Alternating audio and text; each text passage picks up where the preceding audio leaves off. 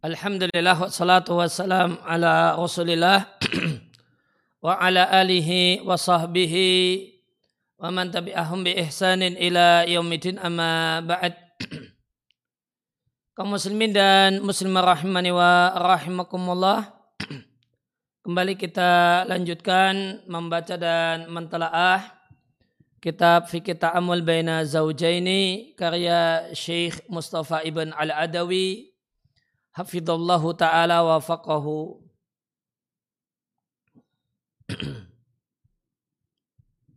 Selanjutnya kita masih dalam pembahasan pentingnya nafkah biologis atau hubungan suami istri.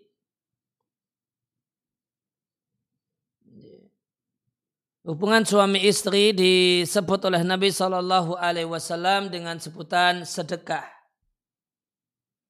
untuk menunjukkan bahwasanya hubungan suami istri itu satu hal yang berpahala. Sebagaimana dalam hadis yang diatkan oleh Imam Muslim rahimallahu taala dari Abu Dhar radhiallahu anhu beliau mengatakan Sesungguhnya ada sejumlah sahabat Nabi Sallallahu Alaihi Wasallam, yaitu sahabat-sahabat yang miskin, mengadu kepada Nabi dengan mengatakan, Ya Rasulullah, dahaba ahlu tuthuri bil ujur. Wahai Rasulullah, orang-orang kaya itu memborong pahala. Yusalluna kama nusalli. Mereka orang kaya solat sebagaimana kami orang miskin solat kama nasumu. Mereka orang-orang kaya melakukan ibadah puasa sebagaimana kami orang miskin juga berpuasa. Namun mereka bisa beramal soleh dalam bentuk bersedekah dengan kelebihan harta yang mereka miliki. Qal maka Nabi Shallallahu Alaihi Wasallam bersabda menghibur mereka dengan Nabi katakan, bukankah telah Allah jadikan untuk kalian sesuatu yang bisa kalian gunakan untuk bersedekah. Setiap tasbih itu sedekah, setiap takbir itu sedekah, setiap tahmid itu sedekah, setiap tahlil itu sedekah, amar ma'ruf nahi mungkar itu juga sedekah. Kemudian Nabi katakan wa fi bud'i ahadikum sadaqah dan hubungan biologis, hubungan intim yang kalian lakukan itu juga bernilai sedekah. Sahabat bertanya, Wahai Rasulullah, ayati ahaduna syahwatahu wa yakunu lahu fiha ajrun. Apakah salah satu kami menyalurkan syahwatnya dan dia mendapatkan pahala karenanya? Nabi katakan, Afara'aitum la wada'aha fi haram akan alaihi fiha wizrun. Apa pendapatmu seandainya disalurkan ke dalam hal yang haram? Apakah ada dosa karenanya? Maka fakadzalika idza wada'aha fil halal kana lahu ajrun. Maka demikian juga jika dia salurkan dalam saluran yang halal maka ada pahala untuknya di catatan kaki ada kutipan penjelasan An-Nawawi rahimallahu taala. Beliau mengatakan wa fi but'i ahadikum sadaqah. But'i itu baknya di domah. Maka but'un itu yutlak digunakan dalam pengertian jima dan terkadang digunakan dalam pengertian kemaluan itu sendiri. Dan dua-duanya satu hal yang sah jika dimaksudkan dalam hadis ini. Dan dalam hadis ini terdapat dalil bahasanya hal yang mubah semacam hubungan intim dan hubungan biologis itu bisa berubah menjadi taat dengan niat yang benar. Maka jima hubungan biologis itu bernilai ibadah jika diniatkan untuk menunaikan hak istri dan di, demikian juga dalam jika niatnya adalah mempergauli istri dengan baik dengan memberikan nafkah biologisnya pergaulan baik yang Allah perintahkan atau maka ini di sini contoh-contoh niat yang baik dalam hubungan biologis. Yang pertama menunaikan hak istri. Kemudian yang kedua pergaulan yang baik. Kemudian yang ketiga bertujuan mencari anak yang saleh. Yang keempat, i'fafu nafsihi yeah. memuaskan hasrat biologisnya sehingga terjaga dari zina untuk dirinya si suami.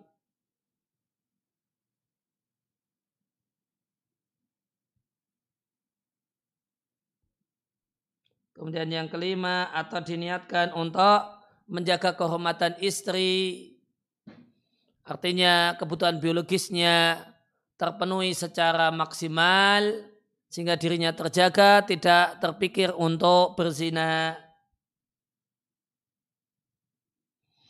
Demikian juga mencegah keduanya dari memandang yang haram, memikirkan hal yang haram, atau punya keinginan yang haram,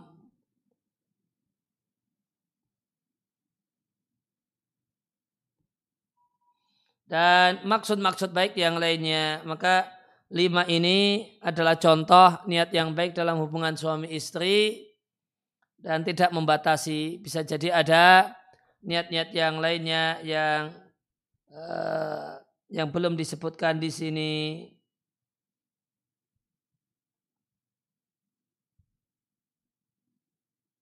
Ya, maka hubungan biologis itu bernilai uh, uh, sedekah atau berpahala manakala dengan niat yang benar, demikian juga manakala memperhatikan adab-adab yang dituntunkan dalam Islam berkenaan dengan hubungan biologis. Oleh karena itu sedikit melebar, saya ingin bacakan beberapa faedah yang bisa kita simpulkan dari kitab Ihya Ulumuddin karya Abu Hamid Al-Ghazali rahimallahu taala.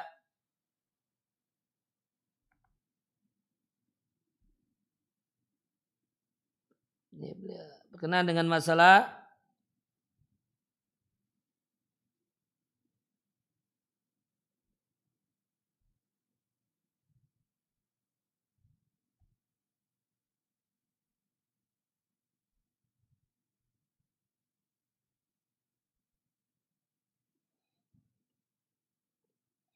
Ya, berkenaan dengan eh, maka ada satu pembahasan di kitab Ihya Ulumuddin tentang ada bil jima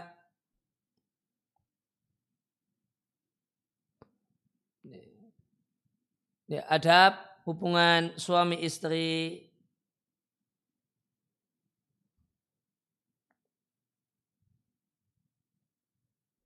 Di antara hal yang menarik untuk di sampaikan.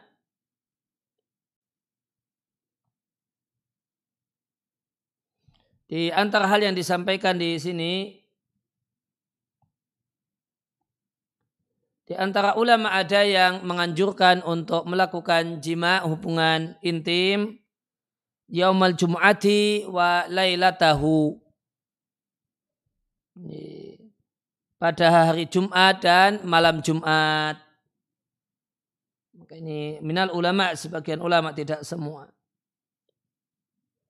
Maka satu hal yang baik eh, ketika suami melakukan mengumpuli istrinya di malam Jumat atau di hari Jumat.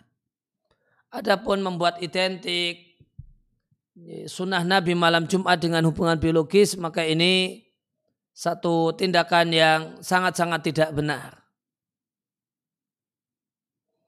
Nah, sebagian ulama yang menganjurkan tersebut tahqiqan dalam rangka menegaskan salah satu dari dua makna untuk sabda Nabi Shallallahu Alaihi Wasallam rahimallahu man ghassala waghtasala Semoga Allah menyayangi orang yang membuat mandi istrinya dan dia sendiri mandi.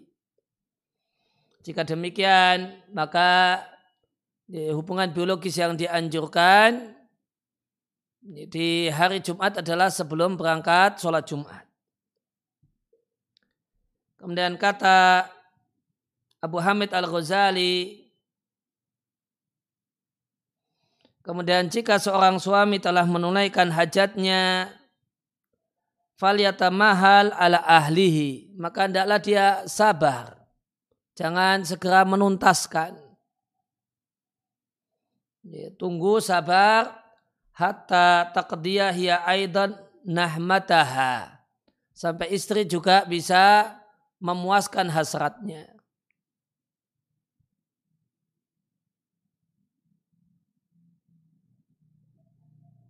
Ya, maka Eh, di antara adab dalam hubungan biologis suami jangan eh, mbak seenaknya sendiri. Yang penting kemudian sudah merasa cukup, puas, kemudian diakhiri dalam keadaan istri belum mendapatkan kenikmatan hubungan biologis. Maka disarankan agar diperintahkan bakal fal yatamahal Hendaknya suami menunda. Sehingga istrinya mendapatkan kenikmatan. Kenapa harus nunggu?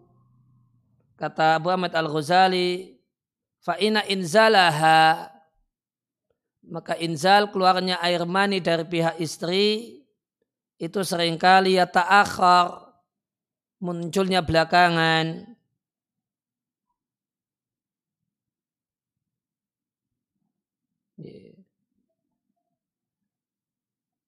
Sehingga hendaknya sabar. Jangan yang penting sudah enak, sudah puas kemudian diakhiri. Ya, padahal istri belum mendapatkan kenikmatan. Sehingga hanya sekedar melakukan pelayanan sedangkan dia sendiri tidak menikmatinya. Maka karena inzalnya istri itu terkadang lamban, sehingga setelah bersabar barulah bangkitlah sahwatnya. Sumal qu'udu anha, kalau istri itu baru kemudian merasa enak, kemudian diakhiri, suami itu duduk meninggalkannya, maka ini namanya menyakiti istri.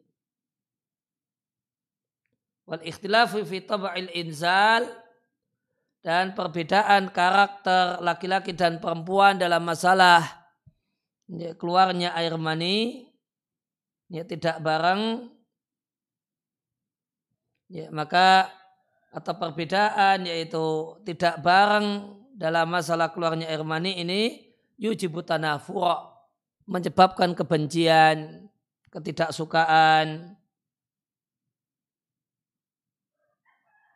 Watawafuku fi waktil inzal maka berbarengnya waktu keluarnya air mani aladhu ingdaha. Itu satu hal yang eh, lebih nikmat bagi istri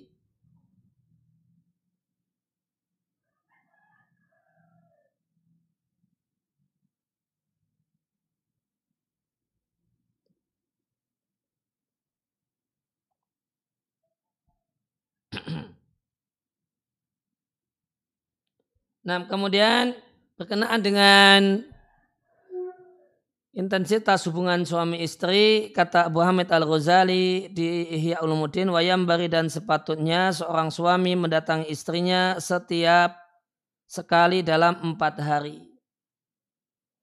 Ya, fikuli arba'i layalin maraton atau ayat dia fikuli arba'ati layalin maraton sekali per empat hari inilah uh, uh, inilah kemudian hubungan biologis yang adal yang paling proporsional atau pendapat yang paling adil. Ya, mungkin bisa kita terjemahkan.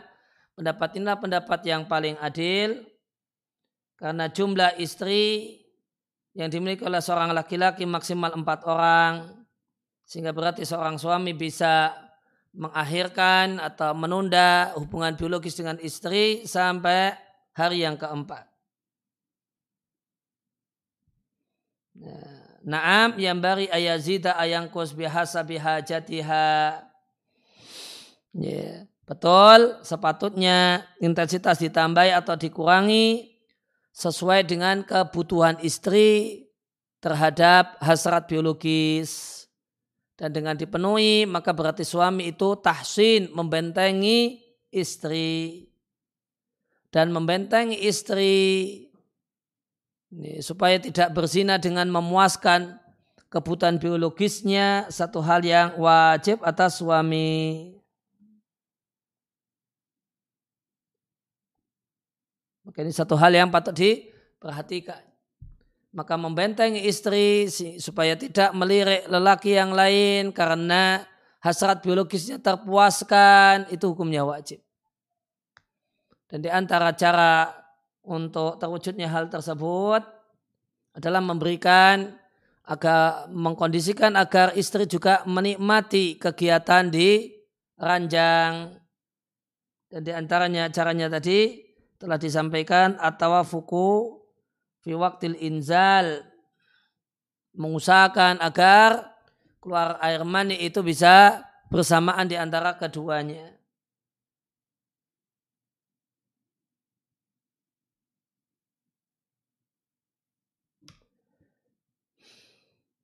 Ya, kemudian di sini disampaikan meskipun istri tidak meminta hubungan biologis. Kenapa istri tidak minta? Fadali kali usrul mutalabati karena beratnya meminta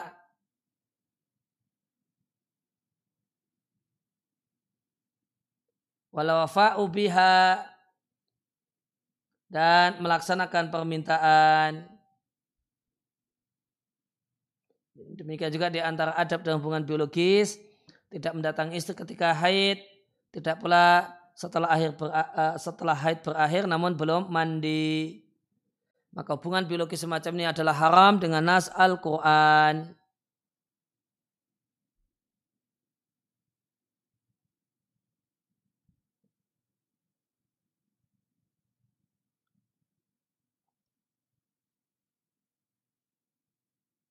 Nah, ketika uh, istri itu dalam kondisi haid, solusinya gimana? Sudah disampaikan oleh Masa Allah sudah disampaikan oleh Abu Hamid Al-Ghazali. Beliau katakan walahu ayastamnia biadaiha ketika istri itu haid kemudian suami uh, bergejolak sahwatnya dan merasa membutuhkan penyaluran maka dalam kondisi ini bisa disalurkan dengan dionani oleh istri. Walahu dan boleh bagi suami ayastamnia biadaiha untuk istimna, untuk berupaya mengeluarkan air mani dengan menggunakan tangan istri. Maka ini onani yang ya yang diperbolehkan uh, onani dengan tangan atau tubuh istri. Di antara di antaranya tepat uh, cocok dilakukan manakala dilakukan ketika istri dalam kondisi haid dan haidnya cukup panjang, misalnya tujuh hari atau sepuluh hari.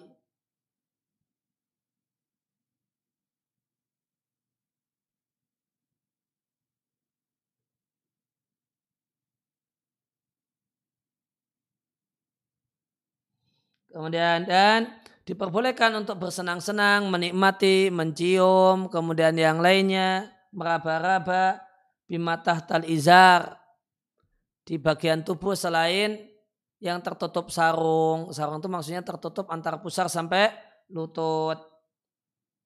Maka suami ketika istrinya haid ya bisa mengeksplorasi daerah selain uh, daerah sarung yaitu pusar sampai lutut. Bima yastahi dengan ya, bentuk eksplorasi apa pun asalkan bukan siwal wiqa'i asalkan bukan hubungan biologis.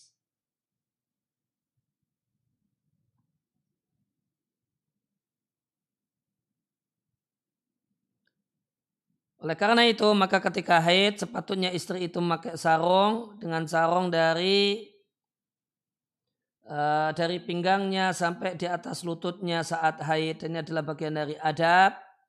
Dan ketika istri haid, suami tetap boleh makan bareng dengan istrinya, kemudian bersama istrinya di tempat tidur dan yang lainnya. Tidak boleh ketika istri haid malah suami menjauh. Kemudian dan jika seorang suami ingin eh, melakukan hubungan biologis yang kedua setelah yang pertama, maka hendaklah dia bersihkan kemaluannya terlebih dahulu. Kemudian satu adab dari Abu Hamid Al-Ghazali, jika seorang suami itu mimpi basah, maka tidak boleh baginya menyetubuhi istrinya sampai dia basuh farjinya terlebih dahulu atau kencing.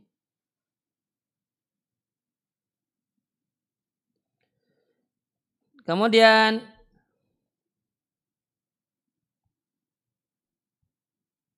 di sini disampaikan hubungan biologis di awal siang, di awal malam, habis isak misalnya, itu hukumnya makruh. Apa alasannya? Supaya tidak tidur dalam keadaan tidak bersuci. Artinya hukum makro ini bisa hilang manakala ya, setelah hubungan biologis di awal malam habis isya kemudian dilanjut dengan uh, berwudu sehingga baru tidur.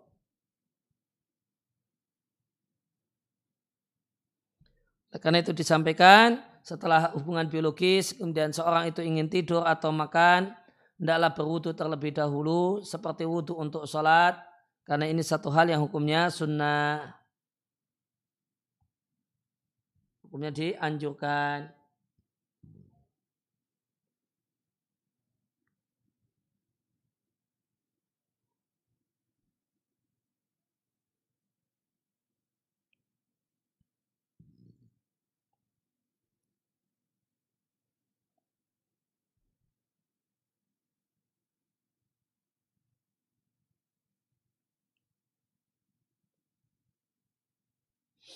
Kemudian uh, beliau sampaikan wa minal adabi di antara adab dalam hubungan biologis adalah tidak melakukan azl.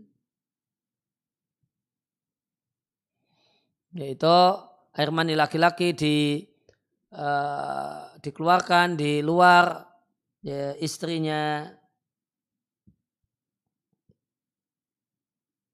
Kemudian beliau sampaikan Azl diperselisihkan oleh ulama boleh ataukah makroh ada empat pendapat. Ada yang membolehkan secara mutlak, ini pendapat pertama. Ada yang mengharamkan sama sekali, ini pendapat kedua. Yang ketiga, boleh kalau dengan ridho istri dan tidak boleh jika tanpa ridho istri.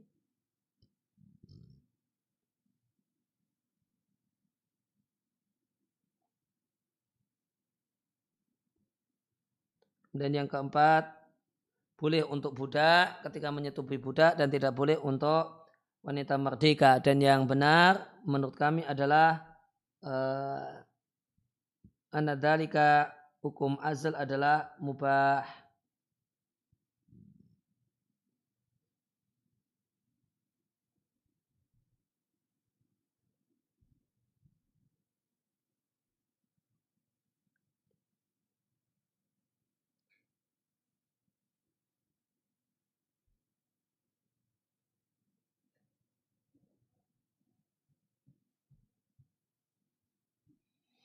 yaitu di antara uh, adab hubungan suami istri yang patut untuk diperhatikan ya, karena dengan ketika hubungan suami istri itu dilakukan dengan memperhatikan adab mempertimbangkan adab-adab yang di, uh, disyariatkan maka ini akan menyebabkan hubungan biologis, hubungan intim satu hal yang bernilai pahala.